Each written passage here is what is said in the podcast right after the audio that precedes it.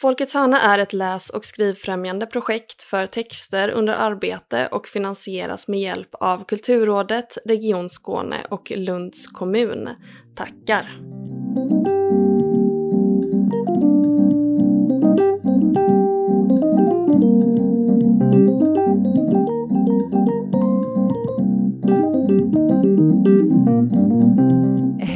Och välkomna till Folkets hörnas podcast, en podd om den skrivande praktiken. Jag heter Agnes Stenqvist och med mig har jag Emilia Palmén och även Mats Kempe. Woho! Hej! Hej! Så kul att ha dig här. Jättekul Du att vara med. ju, ja, du är ju bland annat författare, har skrivit Mm. ett tiotal romaner och novellsamlingar. Du är även forskare, kan man väl säga, och lektor i eh, kreativt skrivande. Mm. Eh, varmt välkommen. Tack så jättemycket. Ska vi se, jag tänkte börja, börja stort. Mm. Eh, skriver du på någonting just nu? Ja, det gör jag faktiskt. Eh, och det, du nämnde ju lite grann forskningen så att eh, jag, jag har ju börjat som lektor på Linnéuniversitetet i, i kreativt skrivande. Vid jul tillträdde jag tjänsten. Och där i den tjänsten så ingår uh, konstnärlig forskning. Så att jag har ett litet konstnärligt forskningsprojekt som jag hoppas ska generera både lite, lite text och lite, både, både lite skönlitterär text och lite forskningstext om man säger så, Mm. eller, eller akademisk text. Mm. Um, och jag Ja, kan- du har ju pratat lite om det, eller du har ju skrivit lite om det i mail till oss. ja, Eh, och eh, det var ju ett otroligt spännande mail att få läsa. Man blev väldigt så intresserad och spänd på att liksom få höra mer om det här. Mm. Mm. Kan du inte berätta om vad det är du, eh, vad det är du håller på med? Jo men absolut. Jag, jag, väldigt enkelt kan jag säga att jag ehm, skriver dikter med min vänstra hand fast jag är högerhänt och vanligtvis mest skriver prosa. Mm. Eh, så kan man i, i korta lag beskriva det. Eh, och ehm, det, det, ibland blir det som att saker faller samman på något märkligt sätt. Det, det är liksom många olika anledningar till att jag, att jag gör det här projektet tror jag. Uh, jag, jag pratade lite med, med studenterna på kursen för, för några veckor sedan om det. uh, och en sån där sak som hände för några år sedan uh, var väldigt rolig. Det var att, att det damp ner en bok i brevlådan hemma hos mig eh, ganska många år sedan nu. Och det var Thomas Tranströmers Den stora gåtan. Och då hade Thomas skrivit med sin vänsterhand, för han hade ju fått en stroke så högerhanden Mm. funkade ju inte för honom. Så han hade skrivit Thomas till Mats, stod det, med sån handstil som, som vi högerhänta har när vi skriver med vänsterhanden. Han, han hade, skrivit, hade faktiskt en fin sån handstil. Min är mycket mer, eh, vad ska jag säga, naivistisk om jag, om jag kallar det så. Ehm, och det där gjorde mig naturligtvis jätteglad för jag hade skickat en bok till honom några år tidigare som jag hade skrivit eh, för att jag tycker han är en fantastisk författare. Ehm, och han kom tydligen ihåg det så han skickade den till mig. Och samtidigt blev jag väldigt sorgsen över det där för att, för att han fick ju sitt, sin stroke när han var, jag tror att han kanske var 59 eller något sånt där, jag är inte riktigt säker på det. Men han var ungefär i den åldern som jag är nu, jag är 54 nu. Eh, och jag har en liten sån egen släkthistoria kring det där. Min, min farfar och min farmor drabbades båda med ganska kort mellanrum av hjärntumörer när de var i den åldern. Eh, och opererades på 1950-talet eh, av en, en då känd professor som hette Herbert Livekrona.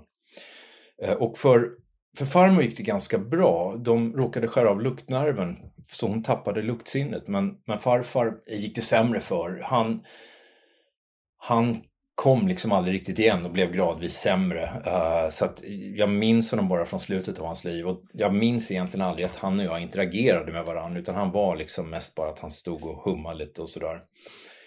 Uh, och sen när min pappa var i min ålder så, så drabbades han av ett, Eh, en sorts, eh, ett syndrom som, som är en sorts form av vattenskalle. Så han fick problem med balansen och han fick problem med närminnet och så. De opererade in en shunt på honom.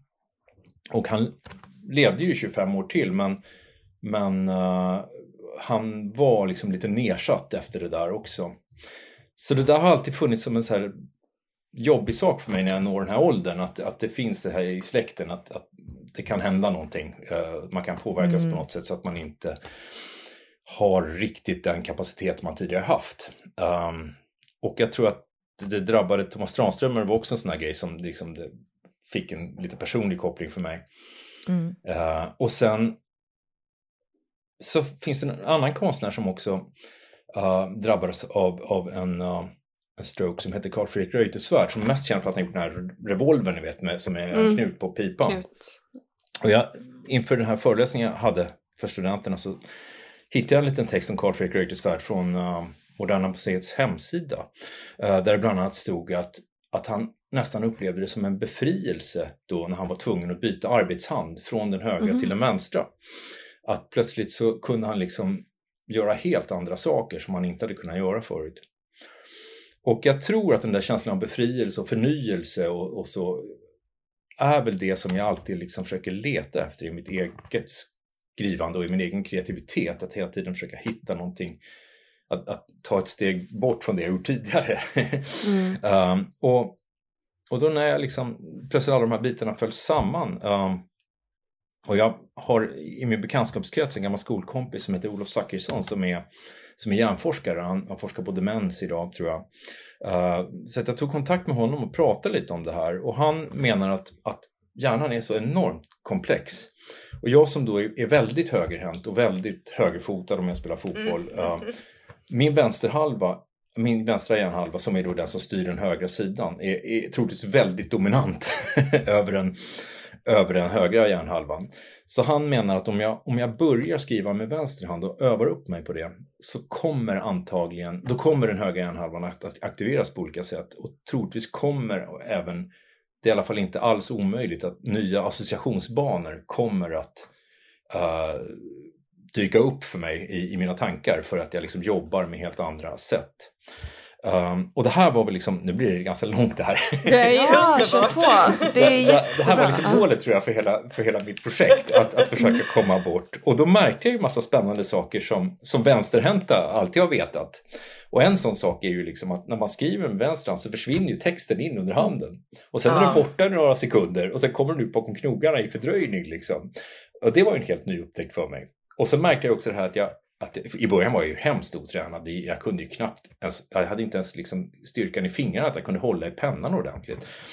Och sen, och då, då märkte jag också det att, att jag var tvungen att skriva på ett helt nytt sätt. Uh, jag började skriva prosa på det här sättet. Um, och jag var hela tiden tvungen att bromsa tankarna för att det tog så lång tid för handen att, att skriva bokstäverna. Så att jag, jag fick hela tiden liksom, jag var tvungen att sänka tempot i tänkandet på något märkligt sätt. Uh, och sen så märkte jag att skriva en hel roman skulle ta lite tid. så då började jag skriva poesi istället.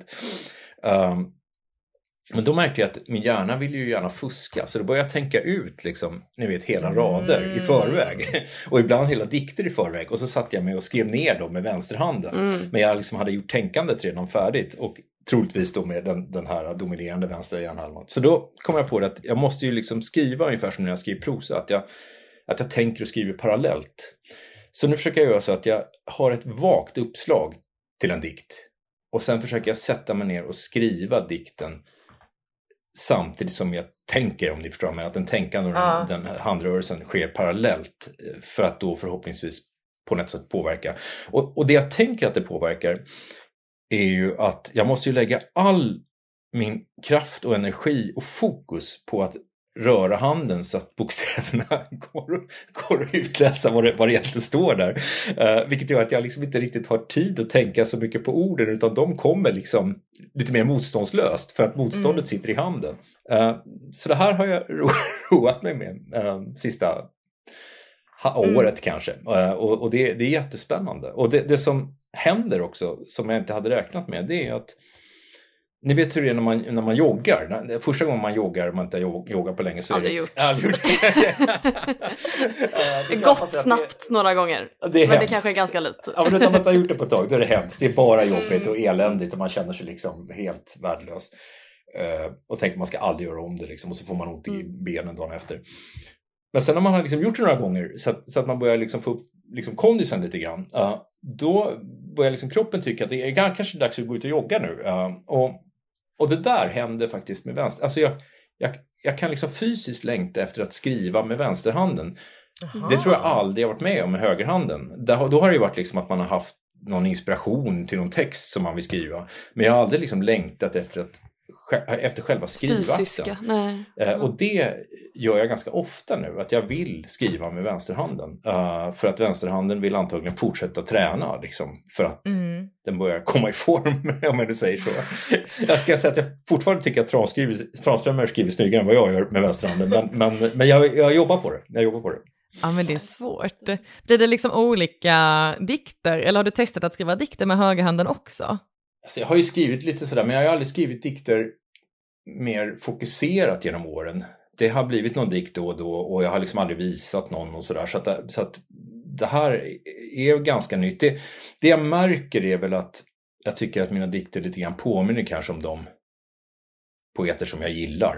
Uh, mm. Så att det är inte så att jag hade ju hoppats att det skulle komma liksom helt nya texter, ni vet sådär, så poesi som mm. någon aldrig någon har sett förut. Så är det inte. Uh, jag, jag, kan ju se lite grann vad jag får, får mina influenser ifrån på det sättet. Men, men, uh, men, men själva, själva skrivakten är väldigt ny och väldigt rolig och väldigt, väldigt sådär vad ska jag säga, kravlös på, på ett väldigt bra sätt. Jag har ingen prestationsångest.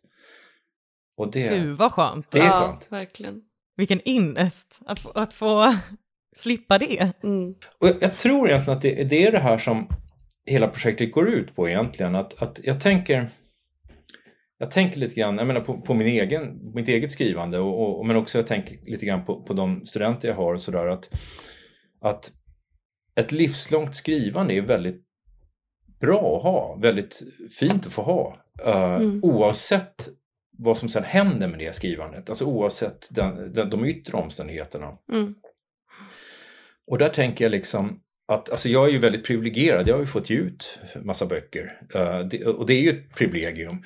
Och därifrån kan jag sen dra vissa slutsatser. Men, men jag tänker så här om, om man tycker att det är verkligen roligt att skriva så är det ju aldrig meningslöst oavsett hur omvärlden eh, betygsätter eller bedömer ens texter och, och, oavsett om det är ingen i omvärlden som visar något intresse för ens texter. Men har man själv liksom en, en, en bra, rolig, spännande, kreativ stund när man skriver så, så är det ju ändå värt allting. Liksom. Mm. Ja, och det eh, låter ju som att du har ordnat det väldigt, alltså du har ju väldigt mycket förutsättningar för att ha ett, ett väldigt, väldigt skrivande liv. Ja. Eh, hur, hur kommer det sig att, för jag tänker den här, det här eh, projektet som du har, mm. experimentet som du gör med dig själv, mm. det är ju någonting som man kan göra som en skrivande person men du har ju lyckats få till det som ett, ett forskningsprojekt. Mm. Eh, hur, hur lyckades du med det? ja, det? Det är så lustigt, alltså, saker och ting faller samman egentligen. Och, och jag hade egentligen börjat med olika experiment innan. Uh, jag är god vän med en, en, konstnär som heter Patrik Stensson. Han har gjort några av omslagen till mina böcker också. Uh, och han är som, som vi alla är, han, han försörjer sig på något annat och så är han liksom konstnär på fritiden. Mm. Uh, och då pratade vi om det här hur... Och jag har alltid varit inspirerad av en, en, en japansk konstnär som heter On Kawara som, som gjorde, jag tror den heter Today Series i hans, en av hans kända verk. Det var att han varje dag målade på, på en enfärgad bakgrund så målade han dagens datum. Och så mm. gjorde han det liksom på, jag vet inte om han gjorde alla dagar, men han gjorde många dagar. Och, och så jag tror också att han märkte upp var i världen han befann sig när han gjorde den där tavlan. Uh, så det är liksom bara en, en enfärgad liten tavla. Jag har sett några av dem på museum, hängande på museum. Och så står dagens datum i vit skrift liksom. Och det där kan man ju säga är lite tråkigt, men det är också ganska bra. Att han, han har alltid en uppgift. Han ger sig alltid en uppgift. Varje dag så kan han alltid göra en sån där tavla om det inte blir något annat gjort. Liksom.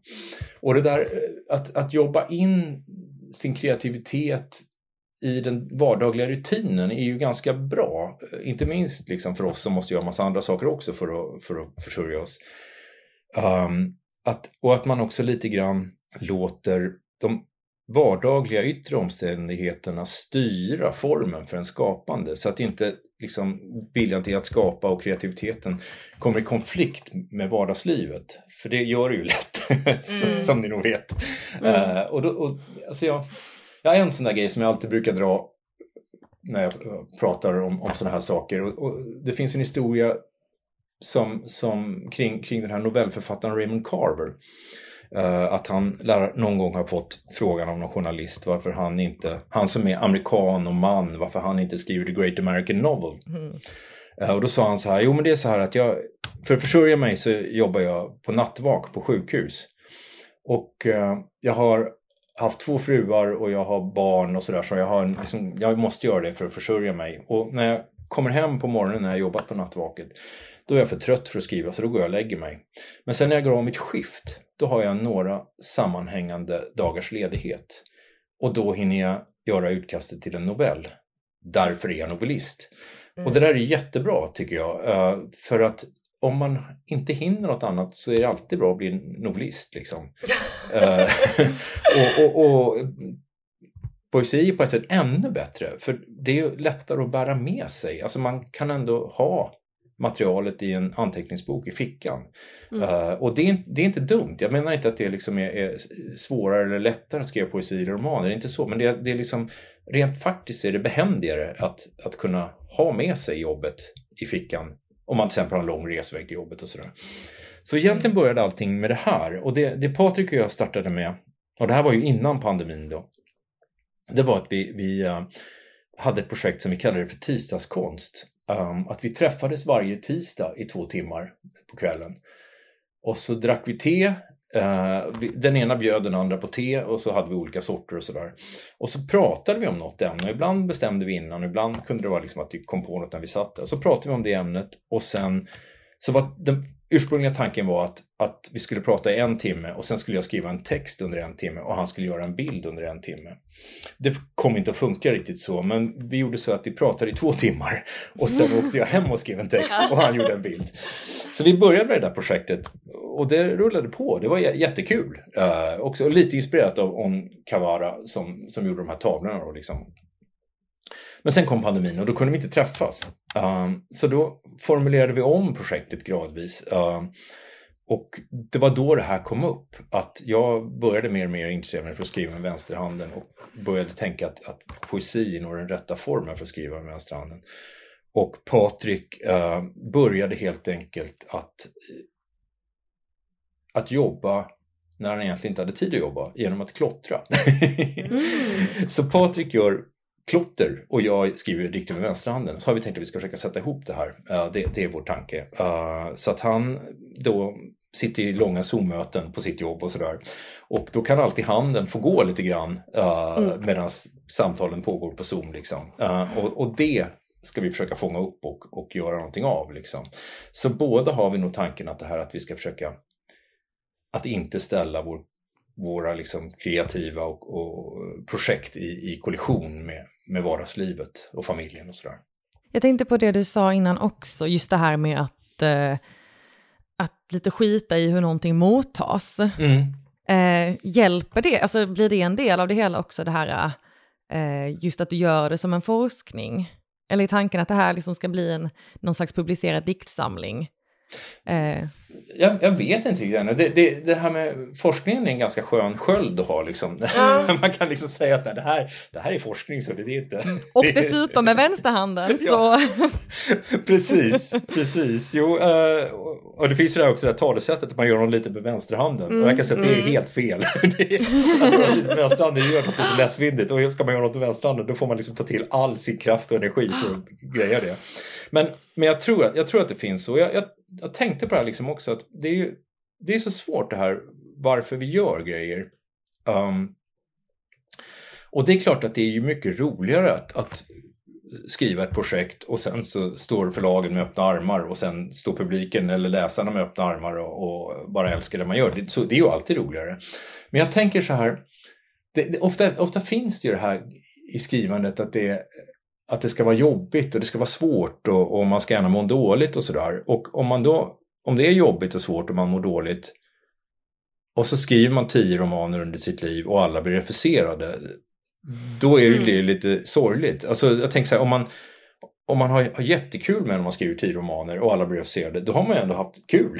liksom. mm, ja. Då har ju det varit något väldigt positivt i ens liv. Även om det hade varit roligare om någon hade velat ge ut dem. Men om det har liksom bara varit jobbigt då, då, då är det ju faktiskt lite, lite sorgligt egentligen. Uh, Och, och där, där tänker jag också liksom att, att um, en pusselbit i det här också som jag borde nämna det är att det, det finns en amerikansk poet som har varit jätteviktig för mig och som bara liksom blir viktigare och viktigare med åren. Och det är en amerikan från, från den så kallade New York-skolan som heter Kenneth Koch. Och han var väldigt mycket inne på det här. Han tyckte liksom att han hade inget, jag tror inte han hade något emot uh, eh, T.S. Eliot och Wasteland, men han sa liksom att efter Wasteland så skulle alla poeter vara helt deppiga och, och, och, skriva att världen var en hopplös plats. Liksom. Och han sa ibland, ibland är man ju på ganska gott humör och då kan man väl också få skriva en dikt och ibland ja. kan ju liksom även det här mm. goda humöret få färga av sig i dikten. Uh, för det hör ju också till livets olika rika schatteringar. Det är ju, ibland är det ju deppigt och ibland är det ganska roligt. Liksom. Så att, och, och, och hans hållning inte minst i de här tiderna som vi lever i nu med liksom klimatförändringar och grejer, eh, håller mig uppe väldigt mycket. Jag tycker att det är liksom en, eh, det är ju, det är ju så det måste få vara. Det ska, det ska vara jätteroligt liksom att göra det.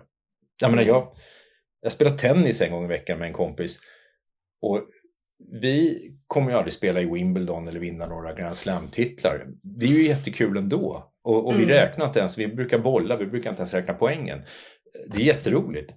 och, och, så mm. måste ju även skrivandet kunna vara, liksom, att, man, att man har jätteroligt när man gör det. Och liksom, tycker någon att, att, att det är bra så är det jättekul, men har jag bara själv kul så finns det ju en poäng med det. Liksom.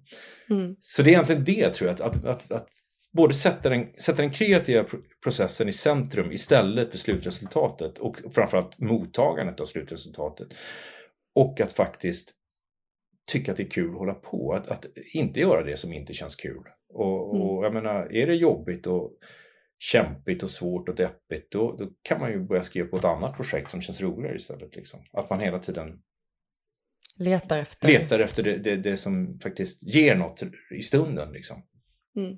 Det är så kul att du säger det, för att det, ja, det märks, tycker jag, vi i eh, i dina verk. Inte mm. bara mm. så text men eh, det känns som att du har väldigt eh, roligt med det du håller på med. Och vi har varit liksom flera gånger när vi har läst att vi bara, men hur fan kom man på det här? alltså bara, vad är det här för tok?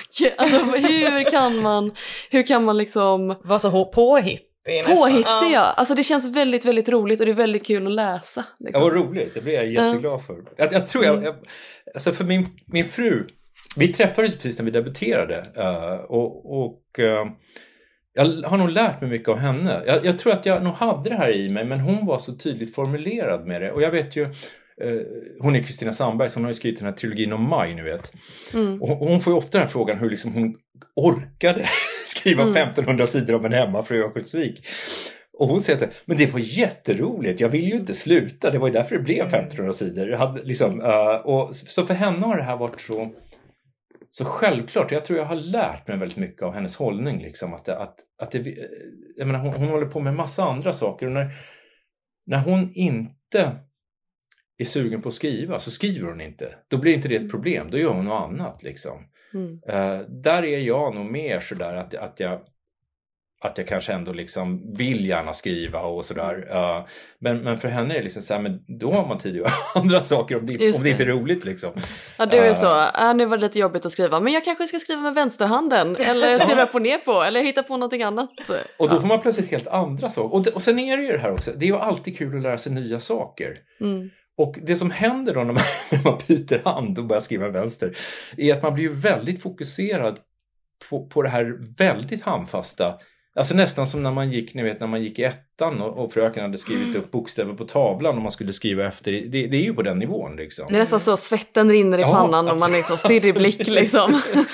Men så liksom får man ju den här liksom enkla liksom glädjen i att man fick till ett ganska snyggt A. Eller man, så liksom, mm. och, och, man blir väldigt fokuserad liksom på, på själva den här praktiska delen av skrivandet som man ju annars inte tänker på. Eh, jag, jag, menar, jag, jag skriver ganska slarvigt med högerhanden och jag är ganska snabb på tangentbordet så då är det liksom bara, alltså, då, fin, då är inte skri, själva liksom, praktiska skrivakten överhuvudtaget närvarande när man skriver.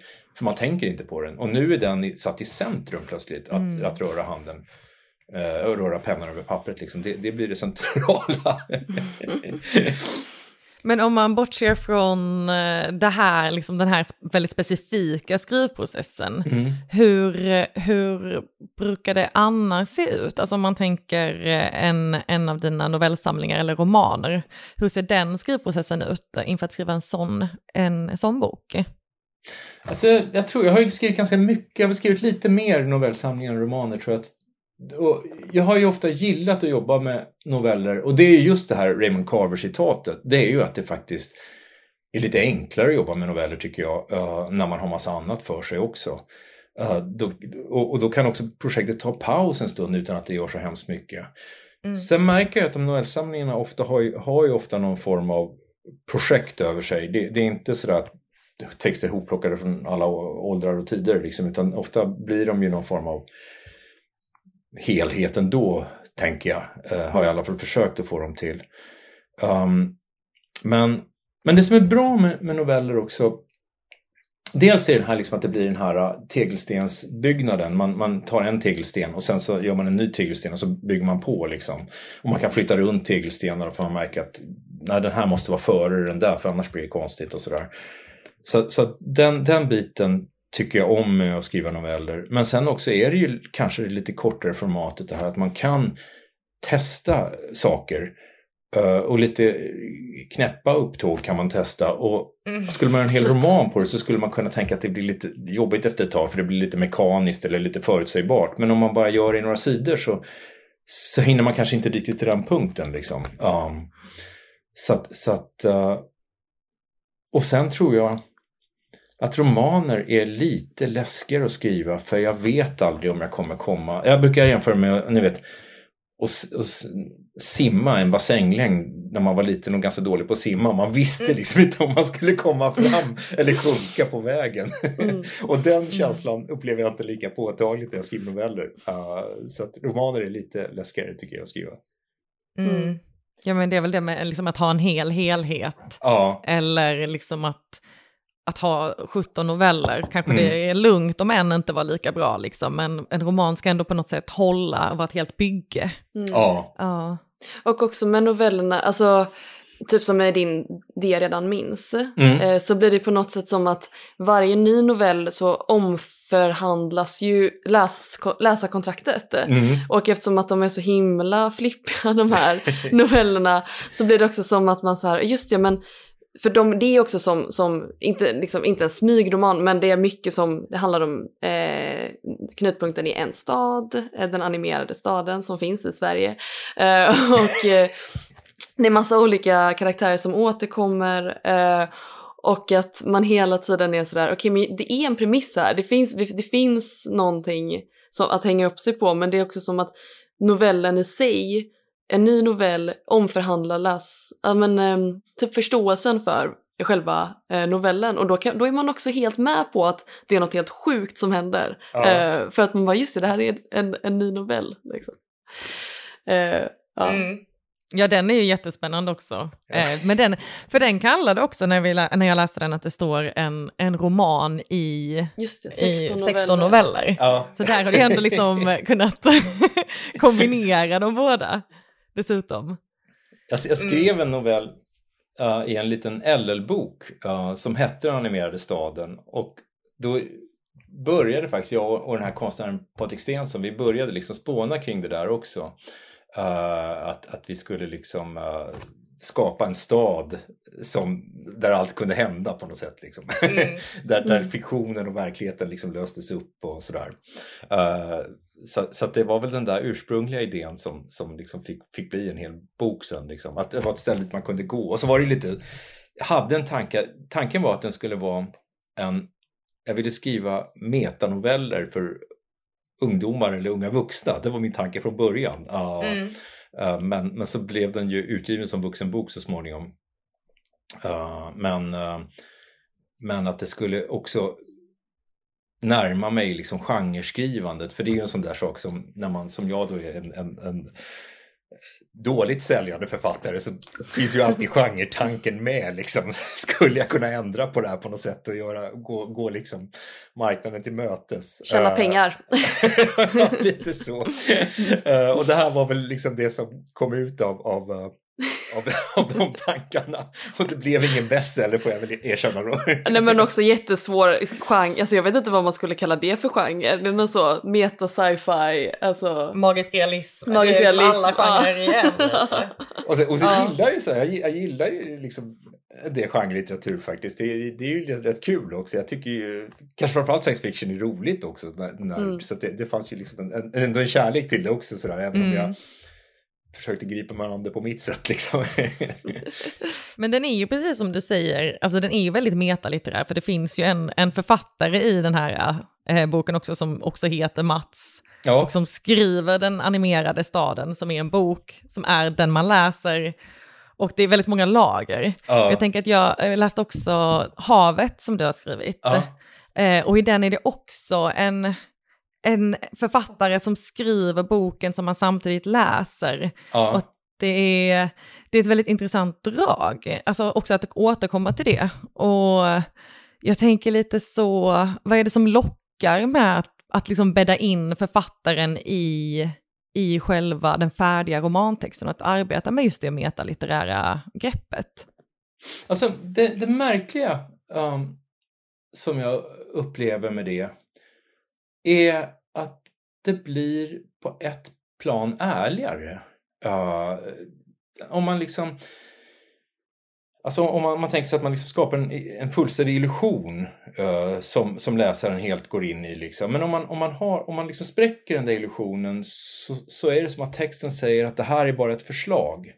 Mm. Um, det här är ett förslag på hur det hade kunnat vara. Hur tror ni att det hade kunnat vara? Uh, alltså man, får, får, man bjuder in till någon sorts diskussion Uh, som, som jag upplever, alltså det, det blir mer och mer så i mina texter att, att, att skrivprocessen finns med. Så att det här att, ni vet, ni vet man sitter vid skrivbordet och väljer ord, att det finns med. För då kan liksom på något sätt också läsaren förhålla sig till de orden som är valda. Och, och, i havet var det väldigt viktigt för mig eftersom det faktiskt, och det var ju också en grej jag aldrig hade gjort förut. Jag skriver ju om historiska personer, um, den här brittiska sångerskan och hennes familj. Uh, och, och där kände jag att jag var liksom tvungen att hela tiden påminna läsarna om att det kunde varit så här eller Vissa, mycket, jag har ju försökt ligga så nära de biografier som finns eh, som möjligt men vissa saker är ju ändå liksom iscensatta, så, vilket de inte är i biografierna där de bara är återberättade. Mm. Och då så kände jag att det var absolut mest ärligt, både mot de som porträtteras uh, och som ju inte finns längre, uh, men också mot läsarna. Liksom. Att läsarna inte tänkte att nu vet jag allt om Senderenis familj, uh, mm. fast de kanske inte vet det egentligen. Liksom. Så jag tycker så, det var... Ja, förlåt. Nej, nej, förlåt, säger du. nej, men jag, jag, tror att, jag tror att att det här har stärkts med åren tror jag, att det här metadraget gör texten mer uppriktig och, och kanske mer sann på ett sätt. För att, för att det prövande, liksom själva, själva, ja, vad ska jag säga, själva processen, liksom byggnadsställningarna är kvar på något sätt i texten. Mm. Uh, så att man kan se hur, hur jag tänkte och hur verkligheten kanske var beskaffad och sådär. Mm. Sen tycker jag det är väldigt intressant just i havet för, för det blir precis som du säger, att, att, liksom, att du menar att du har försökt göra läraren påmind om att det, det här är ett förslag. Så här mm. kan det ha varit, kanske speciellt också så i vissa dialoger och vissa så scener hemifrån och så. Mm. Eh, men som läsare så blir man ju också, man, man blir ju det när man läser en bok, att man, man accepterar väldigt snabbt fiktionen för sanning. Mm. Och att även i den här boken så kände jag att jag gjorde det. Och att det blir den här eh, ehm, författarjaget som berättar liksom processen som kommer in så här, men så här kanske det var, eller du kanske inte sa så, jag skriver ju detta. Mm. Och jag ser påminn hela tiden att det blir också, eh, det, jag vet inte vad man ska säga, det blir liksom... Um... Men det är också fiktionalisering, det är också ja. en karaktär. Du skriver ju fram dig själv som en ändå. karaktär. Ja. Mm. Och det är väldigt spännande för att det, ja, men det, jag tror att dit jag vill komma är att det är väldigt intressant hur snabbt man ändå glömmer det, även om byggnadsställningen finns där mm. och att den är eh, uttalad från början. Mm. Så som läsare så är, man, så är man så villig att köpa allting en författare skriver. Mm. Att man ändå är så jo men så här var det, Sandy Denny sa ju det här eh, till Ja. sin pappa liksom. Eh, och att, ja, att det är väldigt fascinerande. Och, Mm. och, och, och faktiskt ofta gjorde hon nog det, i alla fall enligt eh, pappan. För att pappan gav flera intervjuer alldeles innan han dog. Eh, och det är väldigt mycket därifrån jag har liksom hämtat. Bio, biografierna hämtar väldigt mycket därifrån och där har jag också hämtat saker ifrån. Så att, så att eh, åtminstone är det hans version och det kändes lite, lite bättre. Mm. Eh, att, att eftersom han är huvudpersonen så får han ändå också säga de saker som han själv tyckte att han sa. Men det är ju inte alltid så.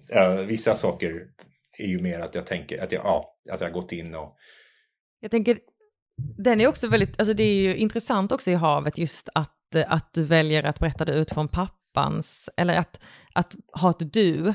Ett, ett, ett jag som är en författare, ett du som är, är pappan till Sandy Denny och sen på något sätt handlar det egentligen om Sandy Denny, men Mm. på något sätt ännu mer om pappan. Eh, Alltså hur, kom du, hur, hur hamnade du i det spåret, att du kom fram till att det var den, det berättarperspektivet du skulle ha i den boken? Alltså, jag hade haft en idé. Jag brukar, jag har, har jag någon sån här poetik så brukar jag alltid tänka så här att nästa gång ska jag göra det jag tycker att jag inte bör göra. Alltså, jag, Alltså om du jag- vill utmana dig själv alltså? Jag tycker så här, det här, så här får man inte göra i litteraturen. Då är det det jag måste göra nästa gång. Liksom. Mm. Uh, och, och då hade jag den här idén om att jag, jag har ju själv liksom kunnat reta mig lite grann på författare som skriver om verkliga personer och sådär. Och så, och så kan jag liksom ibland känna, ja men jag kan ju också fantisera ihop det här om den här kända personen. Liksom. Ja. Mm. Så, men då tänkte jag, du må- du måste ju se, nu, nu får det inte vara sådär liksom stöddig Mats, utan nu måste du själv se hur, vad du kan göra. Och så hade jag inte riktigt någon jag kom på att jag skulle skriva om. Liksom. Eh, Men, men så, så blev jag väldigt fascinerad av, av hennes musik. Um, och det var en rätt jobbig period i mitt liv, så att de där, hennes låtar blev liksom väldigt så här, tröstrika för mig. Och så läste jag först en biografi eh, och sen ytterligare en biografi. Och där fick ju liksom föräldrarna väldigt mycket skulden för att hon, hon, hon var ju, jag ska berätta kort då, eh, hon slog igenom som, ja, hur gammal var hon då? 21 tror jag när hon kom med i, i en grupp som heter Fairport Convention och de gjorde några plattor som blev väldigt sådär legendariska i, i det som kall, brukar kallas för folkrockgenren och sen så gjorde hon några soloplattor och sen återvände hon till Fairport och sen gjorde hon en soloplatta och så dog hon eh, 31 år gammal i en hjärnblödning. Men, men eh, hon hade ju ett, eh, framförallt ett alkoholproblem men, men på slutet tror jag även ett drogproblem. Så hon var, var en, en, liksom en, en orolig och ganska olycklig själ tror jag. Um, men i musiken var hon, hade hon liksom en fantastisk förmåga att fokusera. Eh, resten av livet var, var ganska kaotiskt minst sagt, men, men i musiken var hon alltid väldigt närvarande. Um, och väldigt mycket fick då föräldrarna skulden för det här. De var, förstod henne inte och de var si och de var så och sådär. Men sen när man läser biografin och allting så gör ju de egentligen allt de kan för henne. De stöttar henne och pappan köper gitarr till henne och han köper piano till henne och han hämtar henne från spelningar. Och, och hon, hon var ju tidigt ute och spelade på sådana här folkmusikklubbar där hon egentligen inte fick gå in för att det var åldersgräns. Men hon, eftersom hon uppträdde och då hämtade pappan henne och sådär. Så att de tog ett jätteansvar för henne och kämpade nog väldigt mycket för att hon skulle klara sig. Så jag upplevde ganska starkt att de hade inte fått behö- han, han behövde få en upprättelse lite grann. Uh, och, och sen hör till, ni vet, allt faller samman. Han, han är väldigt porträttlik min egen pappa. Ja. som jag tyckte väldigt bra om och som, om, som var väldigt schysst och ställde upp. Uh, så, att, så att dels så kände jag så och dels så tror jag att jag eh, är ju själv pappa till två döttrar. Det, det är ju svårt att vara förälder, det är inte lätt liksom. Man gör sitt bästa men man är ofrånkomligen i en annan generation. Eh, och liksom det nya, det händer och de, och jag menar, och här, Sandys föräldrar var ju i flygvapnet under kriget. Eh, och sen föddes hon precis efter kriget. Och den generationen, ni vet, det var då de lät håret växa och, och Beatles och allting. Eh, så att, så att det var ju liksom helt nya värderingar och droger och alkohol öste in över, över England liksom. Så att, så att det är klart att det, hon vistades i en värld som nog var väldigt främmande för dem. Men ändå så upplever jag inte att de, jag tror att de gjorde sitt bästa. uh, och, och det tyckte jag inte riktigt framkom i biografierna. Det stod i sådär slängiga ordalag att de inte liksom, ja massa saker, att de inte förstod och att de var stela och sådär. Uh, eh, och gammeldags och så. Men, men det finns inget, inget yttre som är exempel på det, utan det som finns som exempel istället hur, hur mycket de faktiskt gjorde för henne. Så att jag, jag, jag, ville ge dem lite upprättelse, tror jag. Eh, det var därför jag kom att skriva om honom också. Och så sammanföll det med att min, min pappa var dålig och sådär. Och sen sammanföll ju allting egentligen. För han, det som är med, med pappa Neil då, det var ju att Sandy dog när hon var 31 år, 1978. Två år senare dog hans bror, eller hennes bror, förlåt, eh, David. Och några månader efter det så dog hans fru i cancer. Och samma år dog hans lillebror. Så att han miste liksom alla alla i sin familj egentligen. Uh, vilket ju för mig är den värsta mardröm jag kan tänka mig. Jag kan inte förstå. Och han överlevde då familjen i 18 år. Bodde själv kvar i lägenheten. Vilket ju är ett öde som, som känns helt fruktansvärt tufft. Um, och när jag liksom började skriva på det här så, så liksom kantrade mycket i mitt liv också. För min fru diagnostiserades med en elakartad cancer Eh, och genomgick en, en cellgiftsbehandling. Och precis innan hon hade fått diagnosen, när vi förstod vad som var görningen, då dog hennes pappa i en, en hjärtattack och lämnade ett helt uh, småjordbruk uppe i, i Ångermanland efter sig som vi var tvungna att ta rätt på då Kristina fick sin diagnos. Så det, det, var, det var ju jättetuff tid liksom. Och så dog min pappa två veckor efter Kristina opererades. Uh, sådär, så att, så att ja, det, det, var, det var minst sagt kaotiskt. Mm. Och jag hade liksom börjat med det här när, när pappa höll på att dö. Han hade en lång utdragen dödsprocess liksom, och skriva den här boken.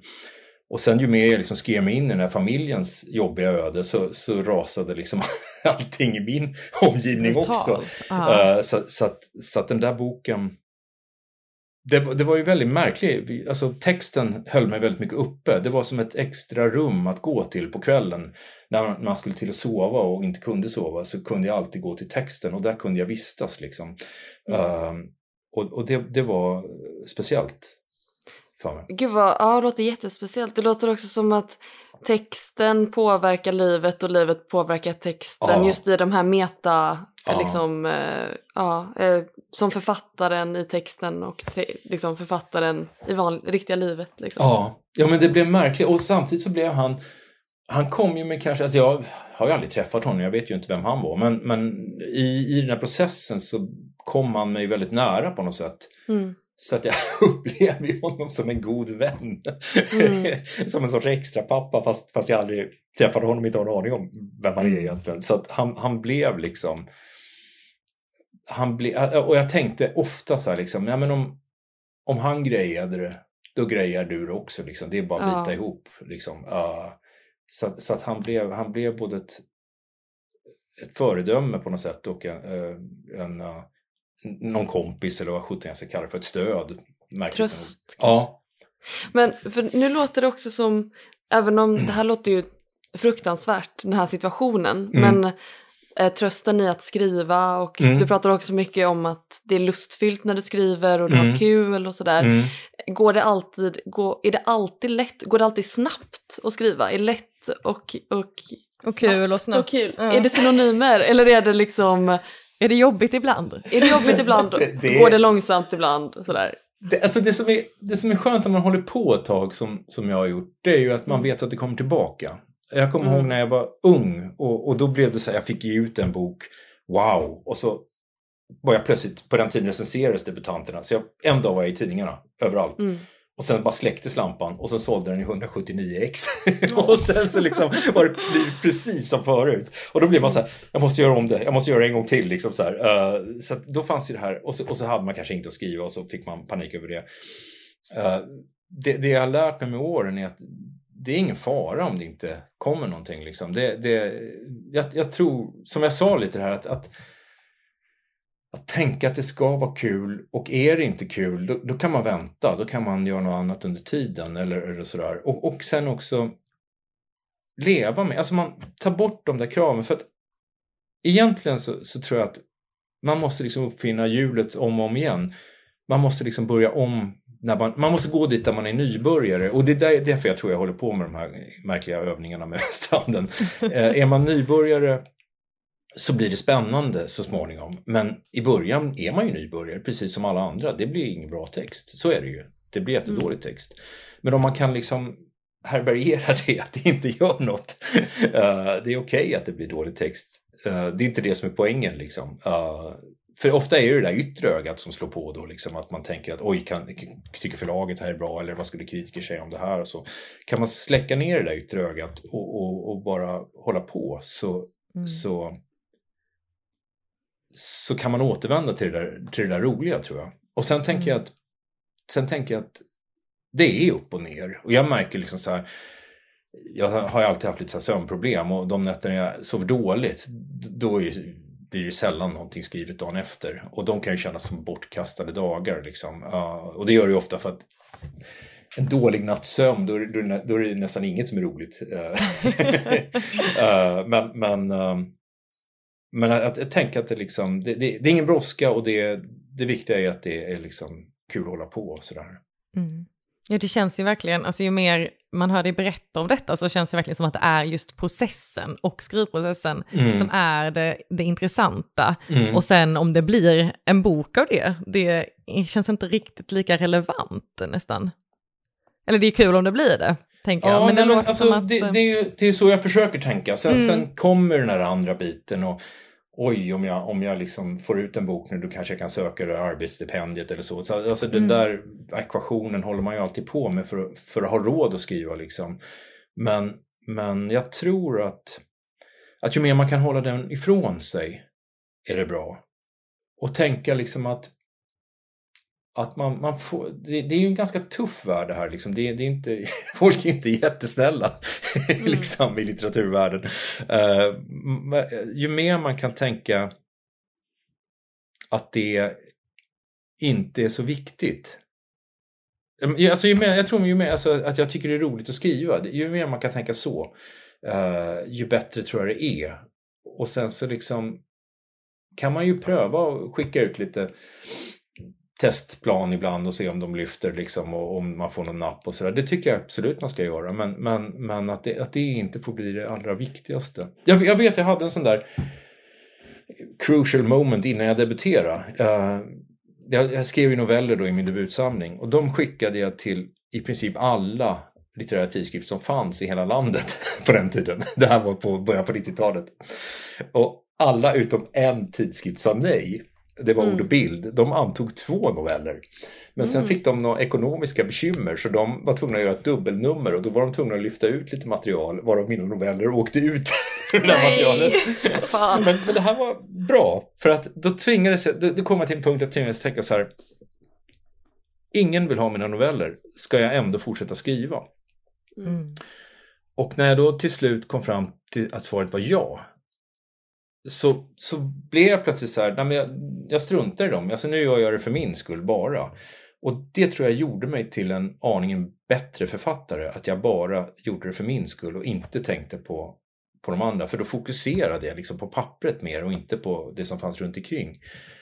Och kanske blev då novellerna aningen mer kompromisslösa på något sätt och därför kanske också lite bättre. Och så småningom kom ju den där boken ut sen. Liksom.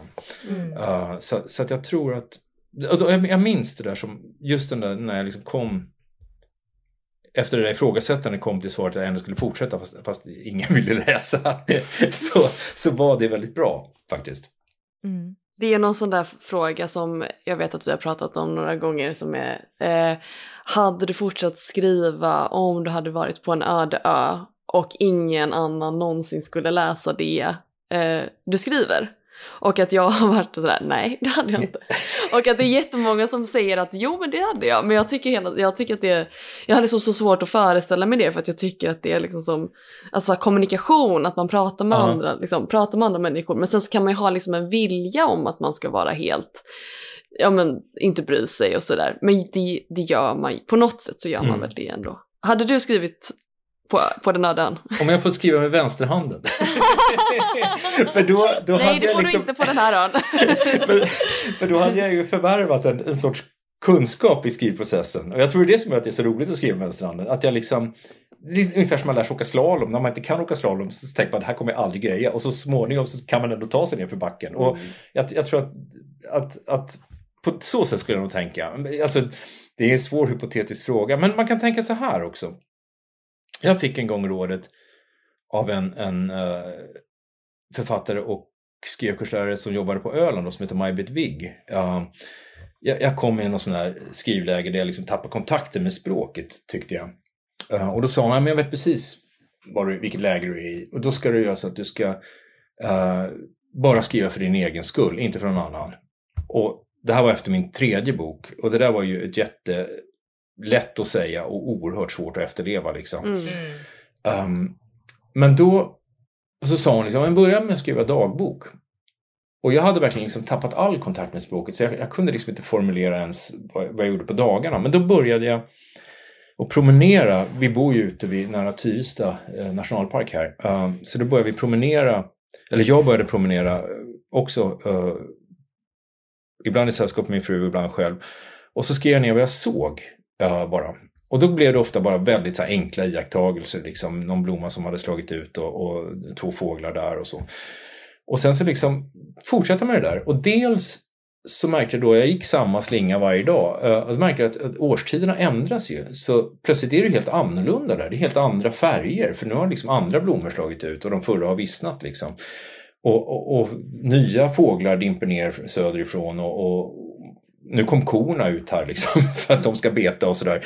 Så, så plötsligt så märkte jag liksom att det hände massa saker och så märkte jag också att det hände saker i, i skrivandet. För då hade jag sett de där skäggdoppingarna på viken Ja, men då började jag plötsligt göra ytterligare någon iakttagelse. Vi hade redan skrivit igår att de var där och nu skrev jag att de är där idag igen. Och då kanske jag plötsligt såg någonting de höll på med. De fiskade eller de gjorde, de har en väldigt fin dans, skäggdoppingar. Uh, så, så plötsligt skrev jag liksom lite mer om det och sådär. Och på det där sättet så lyckades jag faktiskt få tillbaka skriven. Det var ett av de bästa råd jag fått. Um, och om, om man tänker att man landar på en öde på det sättet så kan det vara värt att notera saker som sen kommer att förändras under tiden man är där. Uh, för att få syn på, på liksom de här rörelserna i naturen, förändringarna och sådär liksom, som, man, som man är med om. Uh, och sen vet man ju inte om man ska sitta där hela, li hela livet eller inte. För om man kommer därifrån så småningom så kan, man ju, kan det vara ganska spännande det där man skrev. Uh, och om man aldrig kommer därifrån så kanske man ändå kan återvända till de där grejerna och se att det var det här som var mitt liv på den här ön. Mm. Ja, kanske. Jag vet inte. Så att jag, jag, tror, jag tror ärligt att jag skulle svara ja på den. den eviga optimisten. ja, verkligen. Men eh, vi sitter ju här idag och pratar med dig Mats för att du mm. har varit med i Folkets hörna mm. eh, på scen. Mm. Eh, jag tänkte fråga lite här, hur det var att medverka, om du kommer ihåg kanske vilken text du hade med? Ja, det var, det var jättekul att medverka tycker jag. Det var, det var väldigt, först ska jag säga så här, det var väldigt läskigt. Uh, för att jag höll på, jag hade precis börjat med ett projekt och jag hade precis börjat med de här vänsterhandsövningarna.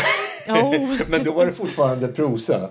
Um, och, och det här projektet hoppas jag faktiskt kunna avsluta. Det har jag tänkt att jag ska försöka göra men just nu är det lite, lite paus med det. Men det brukar vara bra att man tar paus, då ligger det till sig. Liksom.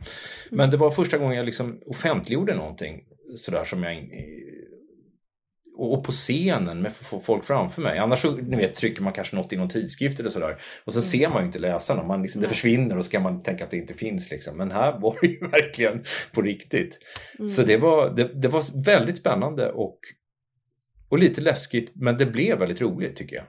Mm. Så att det, jag, jag tycker det var en, en, Och diskussionerna kring texter i process är ju rätt viktiga. Det, det är ju så här, alltså, är det någonting jag lärt mig kring det här, jag, jag är ju stor fan av Thomas Tranströmer, men egentligen så det han gjorde skiljer sig inte hemskt mycket från det vi alla gör. Eh, vi sitter med våra ord och vi sitter med våra idéer och vi sitter och filar och vi skriver om och och så här, vi, vi gör, det är inte så stor skillnad på själva processen egentligen. Den är lik liksom. Sen så blir då slutresultatet lite olika och vi kan tycka att vissa, att Thomas Tranströmer har kanske lite större precision än vad, vad jag har eller någon annan. Uh, men, men, uh, men jag tänker att, att det vi gör är väldigt likt egentligen. Och det är, är nog ganska bra också. Jag tänker lite till exempel för mina studenter att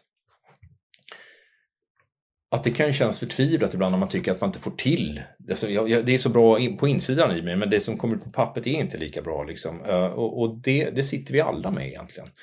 Uh, och finns det på pappret så går det alltid att jobba med det så det går alltid att göra bättre.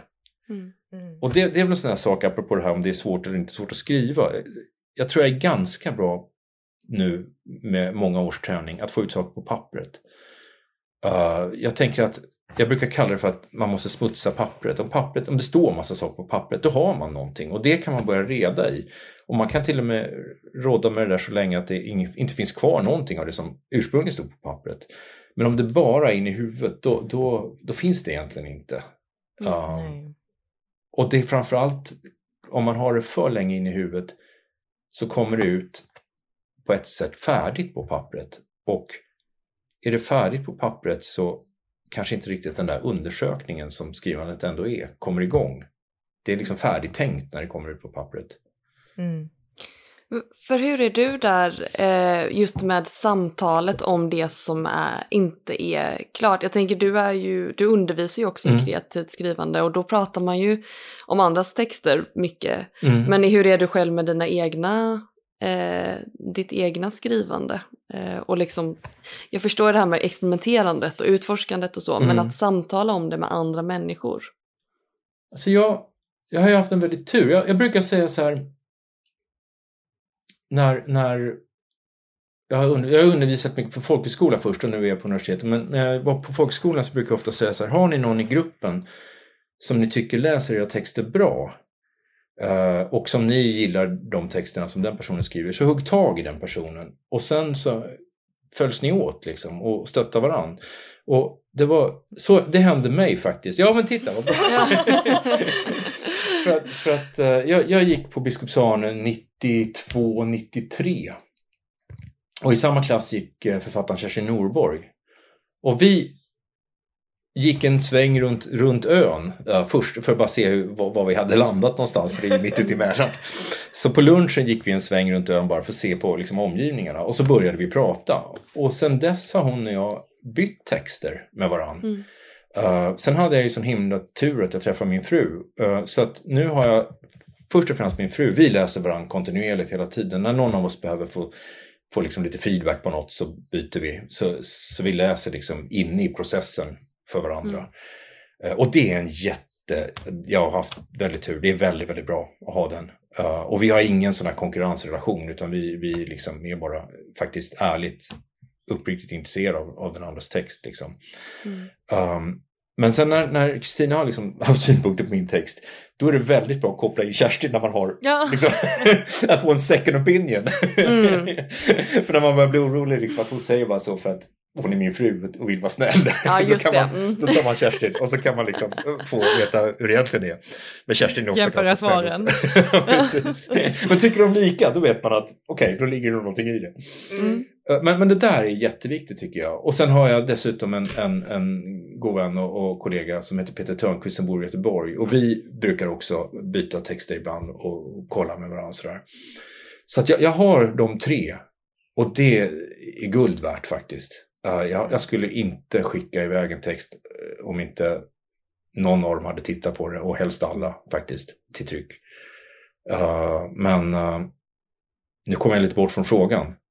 så de, de diskuterar jag projekten med kan jag säga. pågående. Men inte så mycket utanför det. Jag, faktiskt, nu har jag ju pratat med er om, om det här Välståndsprojektet. Och det mm. gjorde jag ju för studenterna också. Det var lite nytt läge. Det, det har jag nog inte gjort förut faktiskt. Men jag mm. märker att jag har ju väldigt intresse av att dra in andra personer i projektet. Ja men exakt. Mm.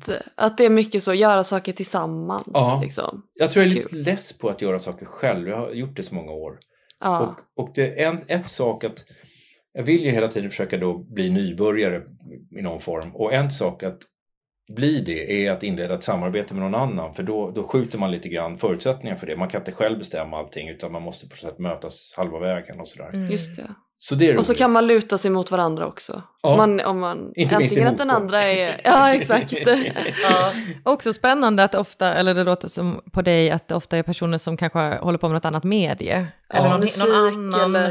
Ja. del av en kreativ process. Ja. Eller eh, något sånt. Att det är liksom det, tycker jag själv, att när jag, när jag har gjort liknande saker på, på det, liksom jobbat med en kompis som är konstnär, att man, ser, man får syn på sitt eget skrivande på ett helt annat sätt också.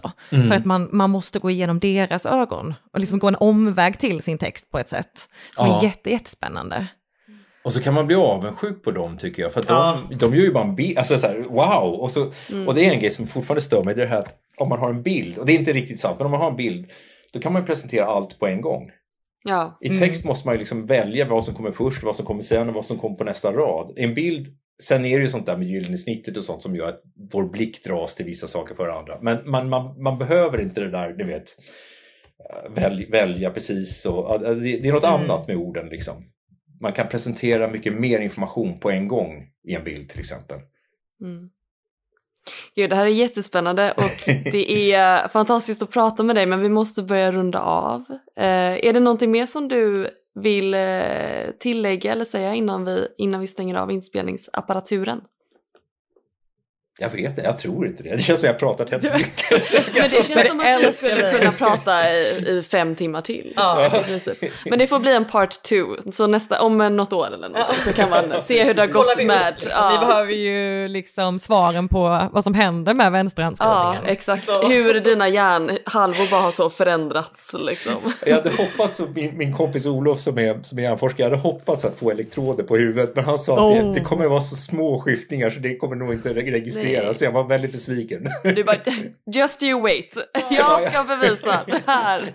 Små skiftningar, absolut. Ja. Men då säger vi eh, tack så hemskt mycket till dig Mats för att du ville snacka med oss. Tack så jättemycket själva.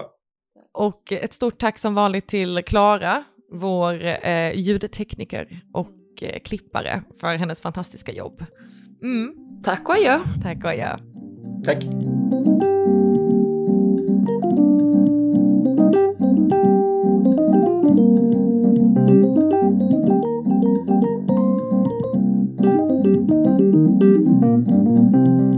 Gud vad kul att ni lyssnat på Folkets hörna. Har ni några frågor eller vill komma i kontakt med oss så kan ni mejla på hej och följ oss gärna på sociala medier, eh, Facebook och Instagram. Där heter vi Folkets hörna.